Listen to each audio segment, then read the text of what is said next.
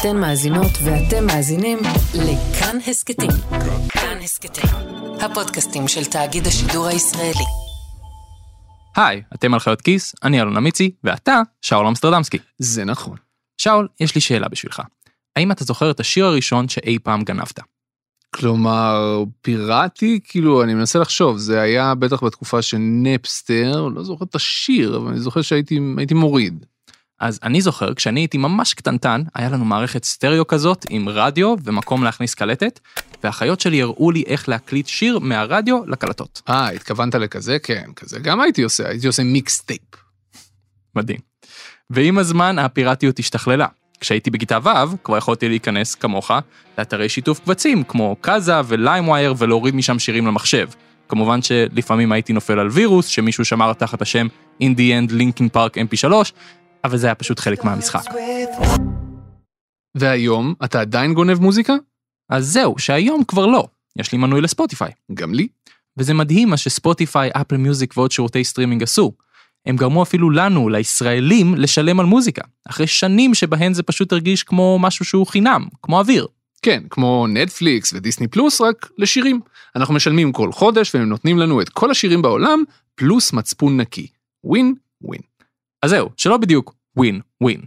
אני אחלוק איתך שלאחרונה הצטרפתי לתעשיית האומנים הרעבים והוצאתי לעולם אלבום מוזיקלי. מזל טוב, אמיצי, איך קוראים לאלבום? אלבום מצוין. כן, בסדר, אני בטוח שהוא אחלה, אבל איך קוראים לאלבום? ככה קוראים לו, אלבום מצוין. אוקיי. אני אמנם לא איזה מרגי או עדן בן זקן, אבל נתתי את התרומה הצנועה שלי. ואז, אחרי בערך חודש, קיבלתי צ'ק על סך 7 שקלים ו-74 אגורות. אני מאוד מקווה שהפרשת חלק מזה לחיסכון פנסיוני. אוקיי, בסדר, אתה מסתלבט, ובצדק אתה אולי חושב, טוב, אולי זה מה שאתה קיבלת, אמיצי, אבל בטח האומנים האמיתיים, הגדולים, מקבלים סכומי עתק. אז זהו, שבסוף כל האומנים בסטרימינג מקבלים ממש אגורות, או אפילו חלקי אגורות, פר השמעה אחת.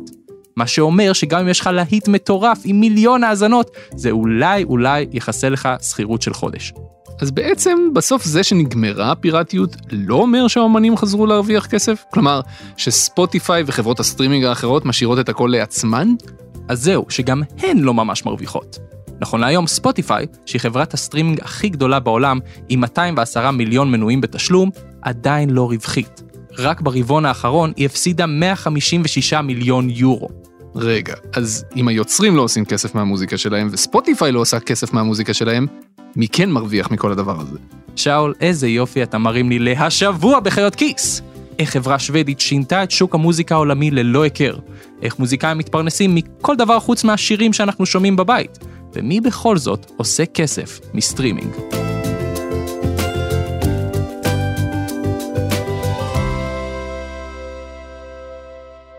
אז שאול, לפני שאתה אומר אפילו מילה, אני רוצה להוכיח לך שזה לא רק אני שמקבל פרוטות בספוטיפיי, אלא גם אמנים מאוד מבוססים עם מיליוני השמעות.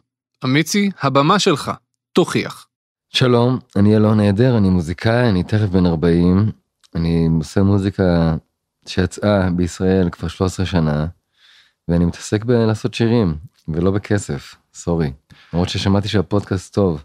זה עד המפתח שלך? כן, באופן לא מפתיע, מוזיקאים זה עם שהיחס שלו לכסף הוא קצת שונה מנגיד מתכנתים או עורכי דין. אז יש לי שאלה בשבילך, מה השיר הכי מואזן שלך בספוטיפיי? לדעתי זה שיר לאימא. געגועים ששומרים אותך איתי מהזמן המדש. עם כמה האזנות? 4 מיליון ו... אני לא יודע, 4 מיליון ומעלה. ואתה יודע כמה כסף הרווחת ממנו מספוטיפיי? נראה שלא. למה לא? כי אני לא מתעסק בזה. אוקיי, אבל, אתה יכול לשאול את המנהל שלך, זה אפשרי? לשאול אותו כמה הם הכניסו? כן. אני לא רוצה לדעת אבל. אתה- למה אתה לא רוצה לדעת? זה שומר עליי בבריאות כלשהי. אבל בסוף אתה יודע כמה אתה מכניס, כאילו גם ככה. זה לא יציב בתור מוזיקאי בארץ. אז עשיתי קאט מוחלט ואני מנסה לא להתעסק בכסף וכן ביצירה, ואני שורד. אז הצלחתי לשכנע את אלון שנדבר עם המנהל שלו, גלעד אדמוני, בנוגע לתמלוגי הסטרימינג. היי, גלעד, מה שלומך? בסדר, מה העניינים? אחלה. אז אני יושב כאן עם אלון עדר. והוא אמר לי שהוא לא יודע כמה הוא מכניס מסטרימינג. אז אני רציתי לשאול, כמה אה, הכנסות הוא קיבל מספוטיפיי על שני השירים הכי מואזנים שלו?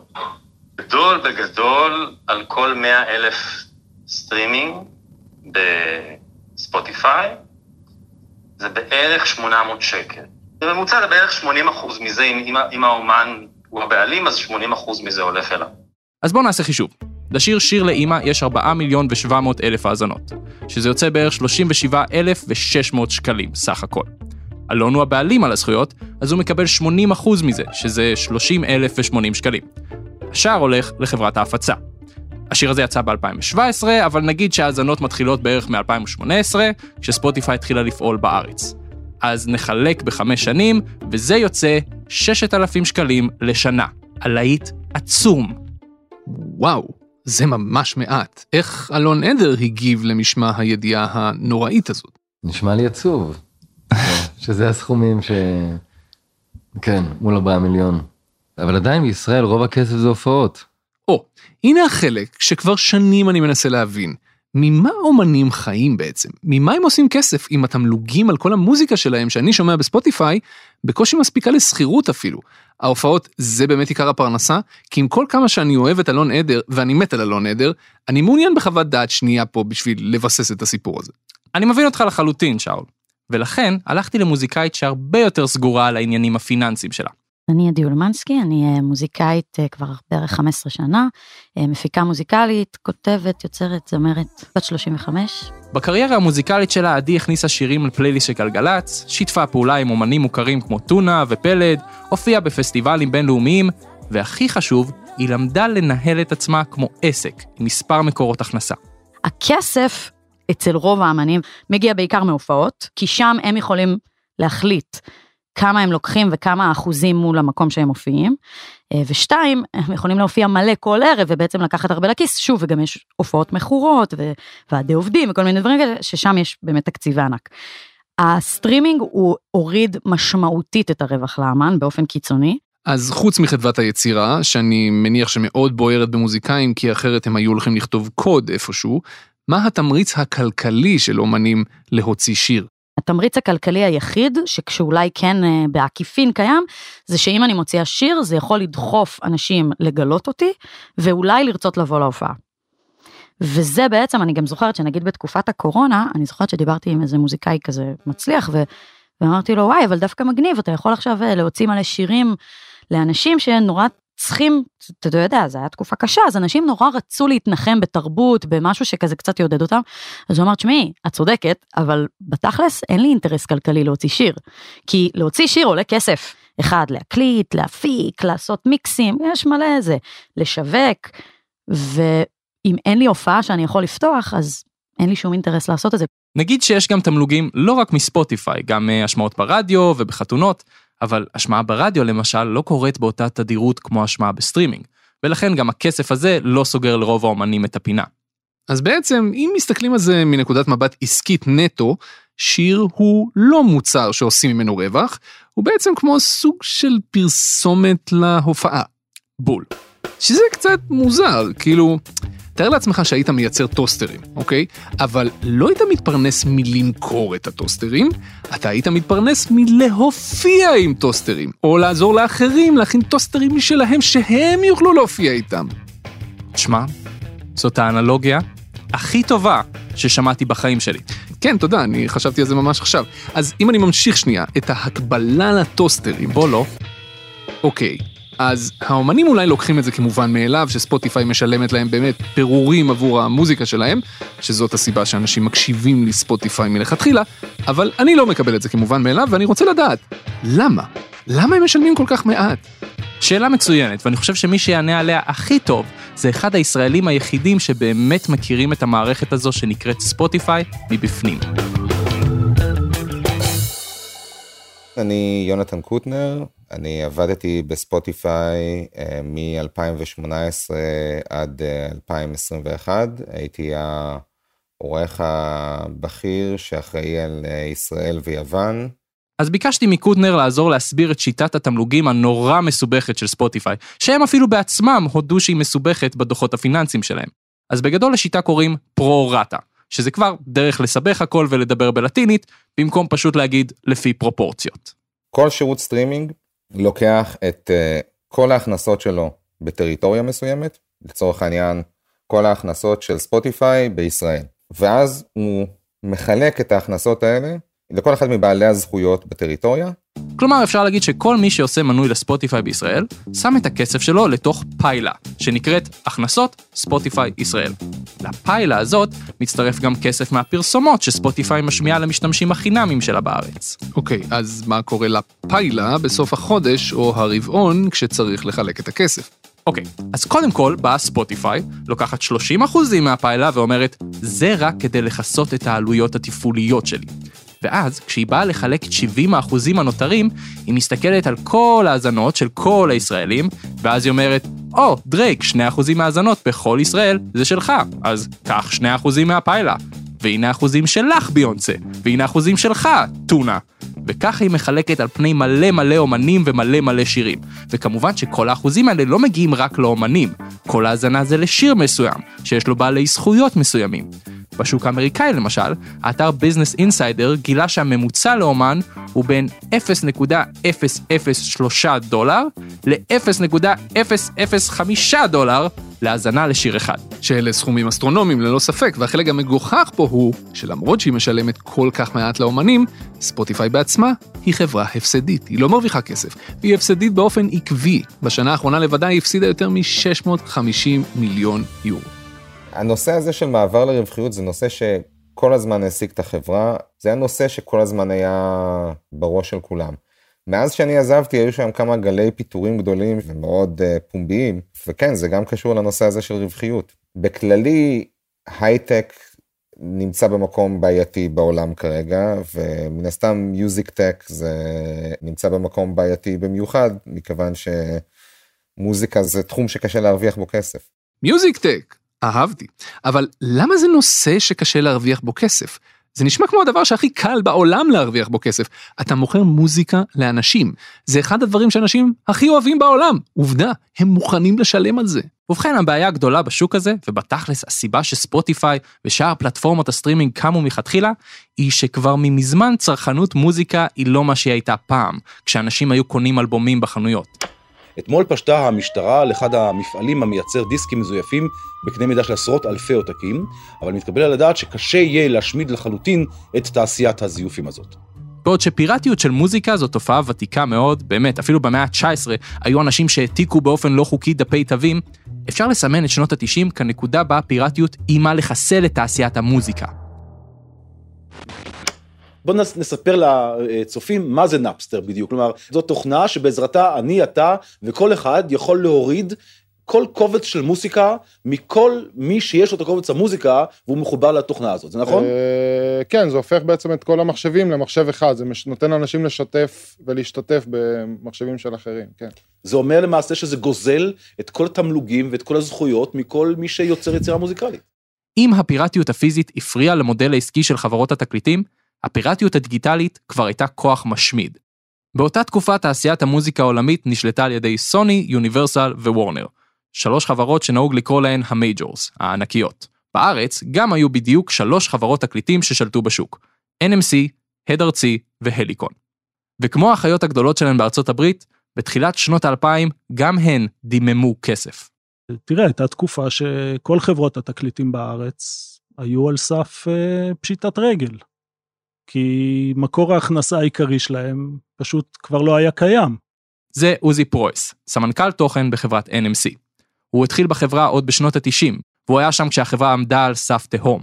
כשהיא נאלצה למכור את בנייני המשרדים שלה בראשון לציון, כשהרווחים שלה הצטמצמו בעשרות אחוזים בגלל הפיראטיות. זה מה שהוביל בסופו של דבר גם לרכישה של NMC על ידי uh, חברת יונייטד קינג, משפחת אדרי, שרכשו אותה מהבעלים הקודמים. בהמשך NMC רכשה את עד ארצי, שגם הייתה במצב כלכלי מאוד מאוד קשה. אז משלוש הן כבר היו שתיים. ואז, בדיוק כשהכל נראה אבוד עבור תעשיית המוזיקה העולמית, אז הגיעו השוודים. ב-2006, דניאל אק ומרטין לורנסטון הקימו את ספוטיפיי. החזון של דניאל ומרטין היה פלטפורמה דיגיטלית לצריכת מוזיקה, קצת כמו נאפסטר וקאזה. אבל באופן חוקי ולגיטימי, כאשר הקבצים יגיעו ישירות מחברות התקליטים בעצמן בהסכמי הפצה. ואיך הם ישכנעו אנשים לשלם על משהו שהם קיבלו עד כה בחינם? הם יציעו בעצמם גרסה בחינם של הפלטפורמה עם פרסומות. ובעבור דמי מנוי באמת זעירים, המשתמשים יקבלו גישה ללא הגבלה וללא פרסומות לכמעט כל השירים שקיימים בעולם, בלי וירוסים של לינקין פארק. אני זוכר שיחות שלי עם אנשים מתוך הת- התעשייה. אני זוכר שהתחילו פה שירותי סטרימינג מקומיים. היה של פלאפון, היה של אה, סלקום. אמרתי להם, אתם יודעים, אתם יכולים לשלם 19 שקל בחודש, ויש לכם את כל המוזיקה. ואמרו לי, מה, מה פתאום? פתאום ברגע שאפל וספוטיפיי נכנסו לפה, זה הפך להיות עובדה מוגמרת, ואנשים התרגלו לזה, שכמו שהם משלמים כל חודש חשבון מים, זה הרגיל את האנשים בלי שהם אפילו באיזושהי צורה מודעים לזה, לשלם עבור המוזיקה שהם צורכים. כי היה שלב שהמחשבה שהובילה היא, למה אני צריך לשלם עבור מוזיקה? מה פתאום שאני אשלם עבור משהו שאני יכול להשיג אותו בחינם? אז אני מבין שכדי לשכנע אנשים לשלם, ספוטיפיי הייתה חייבת לגבות מהם סכום באמת לא גבוה מדי. כי אם הם יגבו את הערך האמיתי של כל המוזיקה בעולם, אף אחד לא ישלם על זה. ואז בגלל שהם גובים כל כך מעט כסף, אין להם מספיק כסף כדי לשלם לאומנים, ואין להם אפילו מספיק כסף לעצמם. הם לא באמת מרוויחים כסף. למה מישהו הסכים לעסקה הזאת מלכתחילה? ובכן, קודם כל חשוב להגיד, הסיבה העיקרית היא שעדיף קצת כסף מכלום כסף. אבל מעבר לכך, אתה שאלת מקודם מי מרוויח מסטרימינג. אז מי שבאמת זכו מכל הדבר הזה, אלה חברות התקליטים. ב-1999, השנה בה נאפסטר הגיע לעולם, הרווחים של תעשיית המוזיקה העולמית היו 22 מיליארד דולר בשנה. בגלל הפיראטיות, התעשייה הצטמצמה עד שהגיעה לשפל של 13 מיליארד ב-2014. אבל משם היא החלה לגדול בחזרה, עד שב-2022 היא כבר עמדה על 26 מיליארד דולר. הממ, היא נהייתה יותר גדולה ממה שאפילו הייתה בשיא שלה לפני השקיעה. אלא אם מתחשבים באינפלציה, ואז הם עדיין לא שם. אבל זה בכל זאת נס שהם הצליחו לצמוח בחזרה, וזה חד משמעית בזכות הסטרימינג, שמהווה 67% מהרווחים. אז רוב הכסף הזה הולך לחברות התקליטים? מה בכלל הרלוונטיות של חברות תקליטים, כשהכול באינטרנט? אפילו השם חברת תקליטים נשמע של פעם. כשהתמלוגים כל כך נמוכים, הכוח הוא במספרים ממש, אבל ממש גדולים. כלומר, אם אתה אמן אחד כמו אלון עדר, אתה אולי תעשה כמה אלפי שקלים כל שנה. אבל כשיש לך את הזכויות על קטלוג עצום של מגוון אומנים, מהביטלס לדרייק, כמו שיש לחברות יוניברסל, סוני ווורנר, אז אתה עושה את הכסף הגדול. וזה בחו"ל. אם מסתכלים בארץ, אז למשל NMC, שיש לה גם את הקטלוג של עד ארצי, יש לה אוסף עצום של מוזיקה ישראלית פופולרית. ועכשיו, כשהמוזיקה קיימת בעיקר באינטרנט, זה אומר שחברות התקליטים יכולות לפעול עם מודל עסקי שונה מזה שהיה להם פעם. מודל עסקי הרבה יותר פשוט. פעם היו לך הוצאות מאוד משמעותיות מבחינת ייצור של המוצר הפיזי, החזקה, אחסון של המוצר הפיזי והפצה של המוצר הפיזי. כל הדברים האלה בעצם היום כמעט ולא קיימים, כי חוץ מההפקה של ההקלטה עצמה, יתר ההוצאות הן זניחות. אז היום, מה חברות התקליטים עושות בשרשרת הייצור? רוב התוכן היום הוא לא תוכן שהוא בבעלותנו, אנחנו רק מפיצים אותו, ועבור זה אנחנו גובים עמלה. מכיוון שאנחנו לא בעלי התוכן, אנחנו לא מפיקים אותו, אנחנו לא משקיעים בהפקה שלו. יש היום מקרים גם בעולם וגם בארץ, אם זה אומן שהוא מאוד מאוד מצליח, יכול להיות שתשלם לו איזושהי מקדמה. אבל רוב הסיכויים שאת המקדמות האלה אתה תחזיר. אתה לא יכול למדוד את זה פר שיר, אז יכול להיות שיש שיר שאתה תשקיע בו והוא בסופו של דבר אף אחד לא ישמע אותו. אבל מצד שני, שיש לך אומנים כמו עומר אדם לצורך העניין, אז כן, המודל הוא מאוד מאוד כלכלי. נכון שהאחוזים שאתה גובה כעמלה הם לא בשמיים, אבל עוד פעם, שאלה איקס אחוז מכמה. אז הן רק מפיצות מוזיקה. כן, והן מפיצות אותה דיגיטלית, שזה הרבה יותר זול. נכון מקודם, כשהמנהל של אלון עדר אמר ש-80% הולכים לאומן או בעל הזכויות, אז לרוב, ה-20% הנותרים האלה, זה עמלת ההפצה. כמובן, תלוי בחברה ובאומן. אוקיי, אבל הם לא צריכים להדפיס דיסקים ולשלוח אותם לחנויות. שיר שעולה לסטרימינג זה בעצם כמו אג"ח מבחינתם, איגרת חוב, זו הכנסה פסיבית. הם מעלים לאינטרנט וכל כמה זמן הם עושים מאספת תמלוגים של כל הקטלוג, מדייוויד ברוזה ועד יהודה פוליקר, והם לא צריכים להשקיע אפילו שקל אחד נוסף, כי זה כבר שם, באתר. בדיוק. תקשיב, אני מבין את זה כשזה נוגע למוזיקה ישנה, אבל מוזיקה חדשה? האומנים עדיין צריכים חברות תקליטים? הם לא יכולים פשוט להעלות את השיר שלהם לספוטיפיי או לאפל מיוזיק בעצמם? שאלה יפה. התשובה היא לא. כלומר, לא ישירות. השירותים האלה לא עובדים כמו יוטיוב, אין איזה כפתור העלאה שאתה שם בו את הקבצים ומשגר. היה פיילוט כזה שספוטיפיי ניסתה פעם, אבל היא עשתה אחורה פנה וסגרה אותו. כיום כולם עובדים רק מול חברות הפצה, שלכל אחת מהן יש את ההסכמים שלה עם חברות הסטרימינג. כן, יש חברות הפצה אינטרנטיות שהן יותר קטנות, נגיד, אתה יכול לשלם חמישה דולר דמי הפצה שנתיים לאיזה אתר כמו CD Baby או DistroKid ולהעלות ככה את המוזיקה שלך. CD Baby. רגע, כלומר שלא רק שאתה לא יכול להעלות את המוזיקה שלך בעצמך, אתה גם משלם למי שמעלה לך? כן, או בסכום קבוע או באחוזים. אני נגיד העדפתי באחוזים בגלל שהכסף שמקבלים על סטרימינג הוא פשוט כל כך אפסי, שלפעמים זה לא שווה את החמישה דולר האלה כל שנה. אבל חברות התקליטים כן מצאו דרך לעשות יותר מרק להפיץ את השירים של כל אומן לפלטפורמות האלה. הרי בסוף עולות כל יום כמויות מטורפות של שירים שיכולים בקלות ללכת לאיבוד בים התוכן הזה. יש בערך 158 מיליון שירים בכל פלטפורמות הסטרימינג. לשליש מתוכם אין אפילו האזנה אחת. וואו. אז כשהתחרות כל כך גדולה רק כדי שישמעו אותך, יש איזשהו ערך מוסף לחברות תקליטים שיש להן קשר ישיר עם פלטפורמות הסטרימינג. עבור האומן אנחנו מפיצים עבורו את התוכן הזה, גם דואגים לקדם אותו ברשתות החברתיות, בשירותי הסטרימינג, בדיוק כמו פעם שהיית מוציא אלבום לאומן, אז היית דואג גם שיהיו פוסטרים בחנויות, והיית עושה לו יחסי ציבור, אז כל הדבר הזה, היום בעצם מחלקת הדיגיטל שלנו עושה את זה. כלומר שאם זו הייתה חנות, הם היו רוצים שהם יהיו במדפים בכניסה, בגובה העיניים, אולי אפילו עם איזה שלט יפה מעל. הממשק בין חברות התקליטים לספוטיפיי קורה בכמה רמות. יש קודם כל את הרמה של ה marketing, של פעולות שנעשות בנוגע לקידום של אמנים עם בנרים, קידום של אמנים בסושיאל, קידום של אמנים בכל מיני uh, פיצ'רים uh, שיווקיים שקיימים בפלטפורמה. זה שוב יונתן קוטנר שהיה העורך הראשי של ספוטיפיי ישראל. רגע, מיצי, מה זה באנר? זה כזה שאתה נכנס לדף של ספוטיפיי ויש איזה בלוק בעמוד הראשי שמקדם אומן או אלבום כלשהו. אה, סבבה, באנר.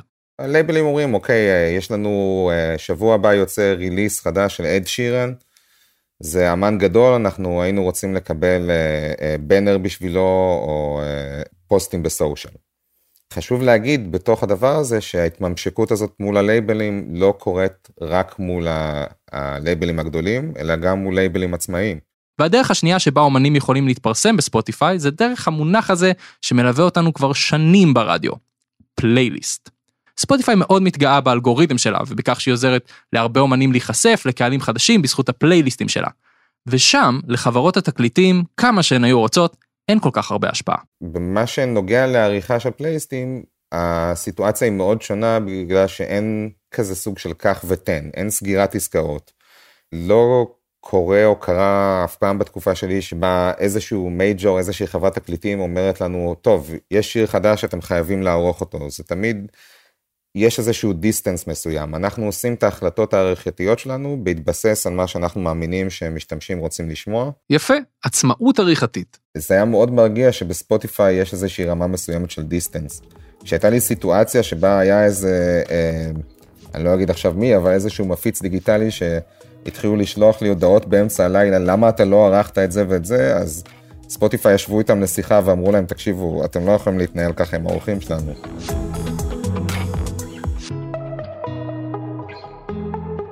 זה רק גורם לי יותר ויותר לחשוב שהאומנים הם אלה שקיבלו הכי פחות מכל העסקה הזאת של הסטרימינג. כלומר, גם לגולת הכותרת של ספוטיפיי, הפלייליסטים, חברות התקליטים לא יכולות להבטיח שהם ייכנסו, וגם אם הם כן, זה לא יכניס להם כסף, זה רק יקדם אותם ככה בתקווה שהמאזינים בספוטיפיי ילכו לקנות כרטיסים להופעות. אני באמת לא מבין, איך הם לא מתקוממים? אמיצי, זה גם הכסף שלך, אלבום מצוין. תתקומם. תראה, במקומות כמו ארצות הברית ואנגליה כן הייתה התנגדות של אומנים לסטרימינג. ב-2014 טיילור סוויפט הוציאה את כל המוזיקה שלה מספוטיפיי, ואפילו כתבה טור דעה נוקב בוול סטריט ג'ורנל על מדיניות התמלוגים של שירותי הסטרימינג.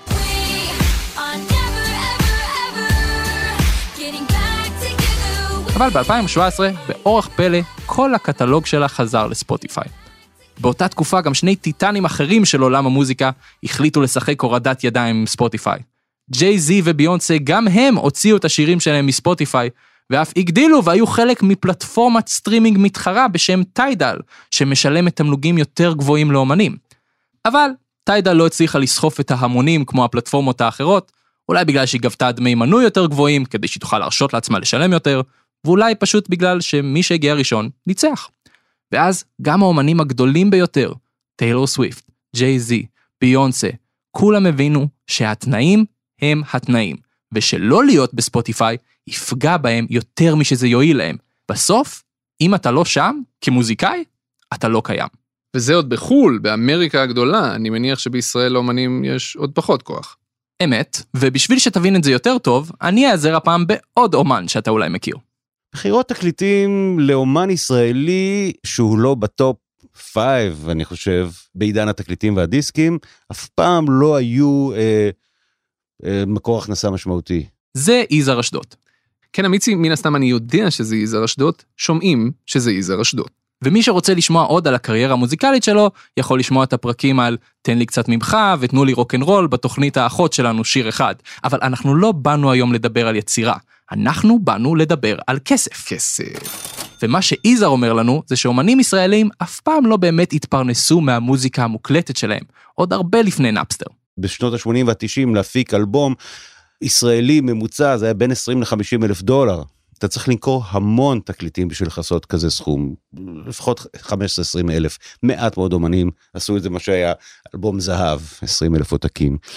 אני לא מכיר אומן בארץ, אולי אריק איינשטיין. אריק איינשטיין היה האומן הישראלי היחיד שישב בבית החל מ-1980 כשהוא הפסיק להופיע, ועשה כל שנה אלבום, ואיכשהו הצליח להתפרנס מהתקליטים, מהאלבומים, מה, מהתמלוגים שמסביב, מהעכו"ם, מאשכולות, מכל אלה, צריך להתפרנס מזה. אני לא מכיר אישית אף אומן ישראלי, אומן יוצר שיכול להרשות לעצמו לא להופיע ו- ולהתפרנס בכבוד.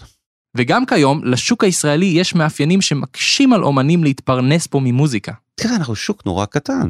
תחשוב, אנחנו עשרה מיליון איש במקרה הטוב, שכמעט חצי מהם הם לא קהל היעד של המוזיקאים הישראלים. אז אה, זה מצומצם. תחשוב שאם אתה יוצר מוזיקה באנגלית, אז השוק שלך הוא גלובלי. אם אתה יוצר מוזיקה בעברית, השוק שלך הוא כאן. והתחזית שלו לגבי תעשיית המוזיקה לא מבטיחה במיוחד. אני חושב שתעשיית המוזיקה לא הייתה במצב כל כך משונה העולמית, כמו שהיא עכשיו, כי בעצם מעל 50% ממקור ההכנסה של התעשייה, שזה ספוטיפיי, מגיע מחברה שעוד לא הראתה שורת רווח באף רבעון מאז שהתחילה להתקיים. תחשוב, זו חברה שמפסידה כל הזמן. זה אומר משהו על השוק שלנו, על התעשייה שלנו. ויש כבר מספר סימנים של זעזוע המודל. זה התחיל בקורונה, בתקופה שבה האמנים לא יכלו להופיע, ותשומת ליבם חזרה ב-100% לתמלוגים הזעירים שהם מקבלים. אז קבוצה של מוזיקאים עצמאיים הקימה את איגוד המוזיקאים והעובדים המאוחדים, הם החתימו 28 אלף מוזיקאים על עצומה וארגנו הפגנות קטנות מול משרדי ספוטיפיי ברחבי העולם. הדרישה שלהם הייתה להעלות את התמלוגים לסנט אחד per השמעה. הופה, סנט, זה כבר כסף. והם הגיעו להישגים מפתיעים בהתחשב בכוחות שהם התמודדו מולם. בתגובה, ספוטיפיי הקימה אתר בשם Loud and Clear, שאמור לתת מראית עין של יותר שקיפות. אבל בפועל אין שם שום מידע חדש. בעיקר הרבה חומר שיווקי על כמה טוב ספוטיפיי עושה לתעשיית המוזיקה. פעולות המחאה אפילו גרמו לכך שהיה דיון בוועדה של הפרלמנט הבריטי על הנושא, מה שאחר כך הוביל להצעת חוק לרפורמה בתמלוגי הסטרימינג, אבל זה לא עבר. מי אנחנו שנתאגד הקיקיוניים כאן בארץ? האנגלים לא הצליחו לעשות כלום. כי מה אתה יכול להגיד לחברה כמו ספוטיפיי שמפסידה כסף? מה, תשלמו פי 10, פי 20 ואז אולי נרוויח? הם יפשטו את הרגל תוך שנייה. ואז מה? יכול להיות שצריך להיות מין מפץ גדול כזה. הייתה לי פעם שיחה לפני כמה שנים, לפני 3-4 שנים, עם אה, מנכ"ל יוניברסל אירופה, שזה אחד האנשים החזקים בתעשיית המוזיקה, ודיברנו על הסטרימינג, שאז התחיל להתהוות ולהיות בעצם האפיק הכמעט אה, יחיד של הפצה של מוזיקה מוקלטת. הוא אמר, תשמע, ליבי על האומנים, אנחנו כחברה שמחזיקה קטלוג נורא נורא גדול, אנחנו מרוויחים יפה, אבל אומן בודד, גם אם הוא נורא מצליח, זה לא רציני.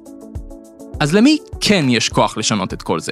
ובכן, ליחידות שמרוויחות מכל העניין, חברות התקליטים. בעיקר ה majors שדיברנו עליהן, סוני, יוניברסל ווורנר, כי ספוטיפיי ממש תלויה בהן. 70% מהאזנות בספוטיפיי הולכות לאומנים של שלוש החברות האלה. לשירותי הסטרימינג חשוב להגיד, יש אינטרס שיהיה להם את כל התוכן הקיים. זה שוב יונתן קוטנר. הפילוסופיה של ספוטיפיי ושל שירותי הסטרימינג האחרים הייתה מההתחלה שלכל שירות סטרימינג צריך שתהיה גישה לכל הלייסנסים של כל חברות התקליטים. כל שירות סטרימינג רוצה להיות מסוגל להציע למנויים שלו, אתם עושים לי מנוי, אתם מקבלים את כל המוזיקה שבעולם, או לפחות את רוב המוזיקה שבעולם. אה, ולכן מאוד חשוב להם להישאר ביחסים טובים ובתקשורת עם כל אחד מהמייג'ורים. תראה, אני מבין שלחברות התקליטים יש כוח עצום מול ספוטיפיי, אבל למה שהן יערערו על המודל הקיים, או יקימו שירות סטרימינג משלהן? הן אלו שהכי מרוויחות היום מהמצב הקיים. נכון, אבל מערכת היחסים בין ספוטיפיי לחברות האלו רצופה משחקי כוח. למשל, כל פעם שמגיע הזמן לחדש חוזה. בתחילת השנה, מנכ"ל יוניברסל מיוזיק, לושיאן גריינג', פרסם מכתב שבו הוא ממש יורך עצים על פלטפורמות הסטרימינג. הוא קרא למודל מיושן, וטען שהגיע הזמן שהוא יתפתח. וממש לפני חודש, המנכ"ל של וורנר מיוזיק, רוברט קינקל, הודיע שהוא מסכים עם מנכ"ל יוניברסל, והוסיף שמוזיקה ברחבי העולם כרגע נמכרת בפחות מהשווי האמיתי שלה. אז בסוף דווקא חברות הענק הן אלו שיצילו את האומנים הקטנים שמקבלים גרושים. אז העמידה שלהן לצד האומנים כנראה קשורה לזה שהאומנים שלהן הם הכי פופולריים, והן דווקא מבקשות פחות שוויון. מנכ"ל וורנר אמר שבעיניו שיר של אד שירן אמור להיות שווה הרבה יותר מהקלטה רנדומלית שמישהו העלה לספוטיפיי. אבל בין אם זה ממניעים אנוכיים או לא, אם החברות הגדולות יחליטו שהמודל צריך להשתנות, אז הוא ישתנה. ואולי השינוי יכול לבוא גם מההחלטה של ספוטיפיי עצמה, שיש לה כרגע תמריץ ענק להעלות את הרווחים שלה, אחרי שנים של הפסדים. בניגוד ללמשל נטפליקס, ספוטיפיי לא העלתה את מחירי המנוי שלה באופן משמעותי בעשור וקצת שבו היא קיימת. זה עומד באופן די עקבי על בערך עשרה דולר לחודש. ועכשיו אולי באמת הגיע הזמן.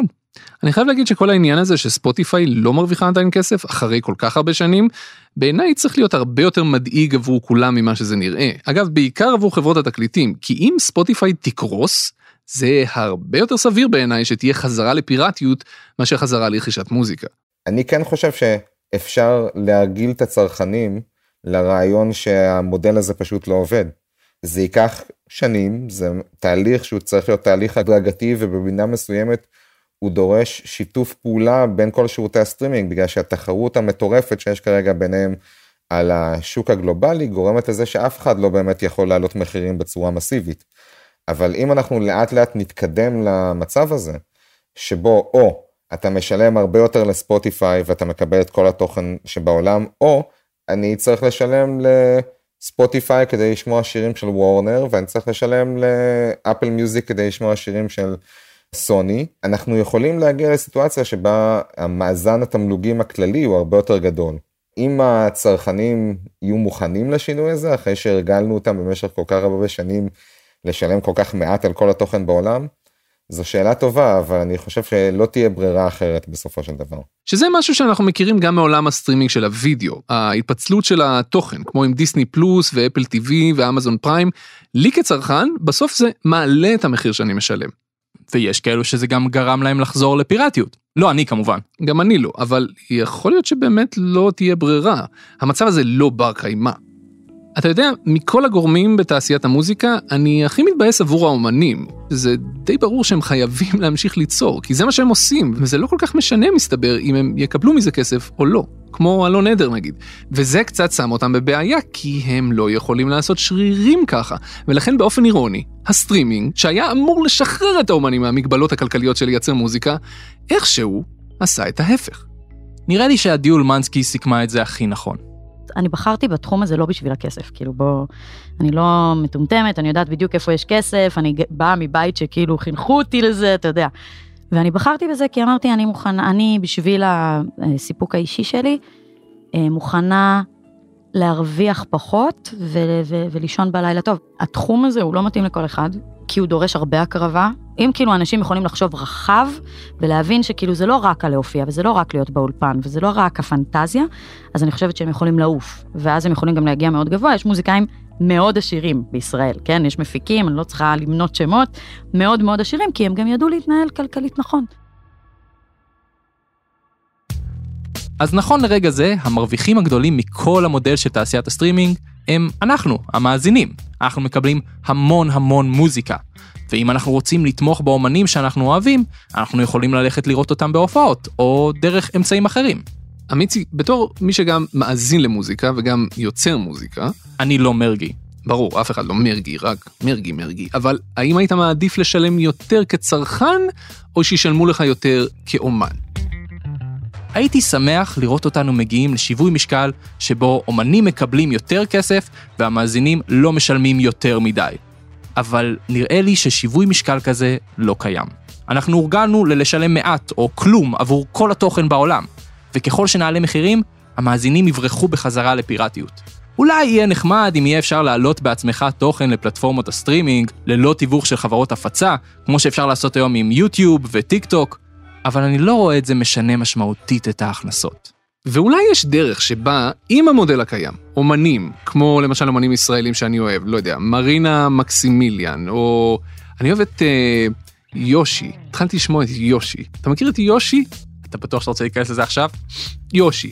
נניח שהם יוכלו לקבל יותר כסף. אתה יכול פשוט לקנות כמה שיותר כרטיסים להופעות שלהם, או נגיד חולצות של יושי אם הוא מוכר כאלה, או שאתה יכול להיגרר לטריקים יצירתיים. אני אתן לך דוגמה נהדרת שאולי מסכמת את כל האבסורד הזה של הסטרימינג. יש להקה שאני מאוד אוהב בשם וולפפק.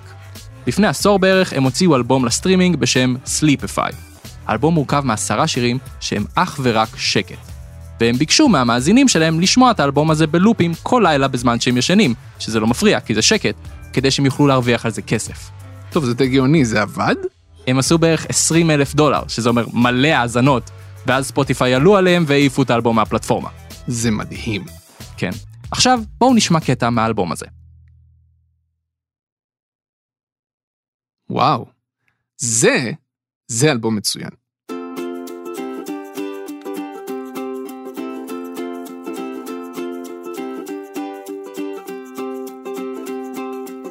אתם האזנתם לחיות כיס, ההסכת הכלכלי של כאן תאגיד השידור. העורך שלנו הוא תומר מיכלזון.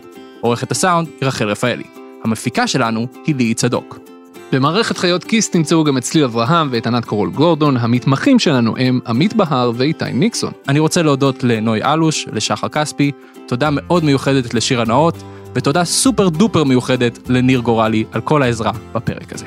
אתה אלון אמיצי, ואתה שרלום אמסטרדמסקי. וזה פודקאסט מצוין. תודה רבה רבה שהאזנתם.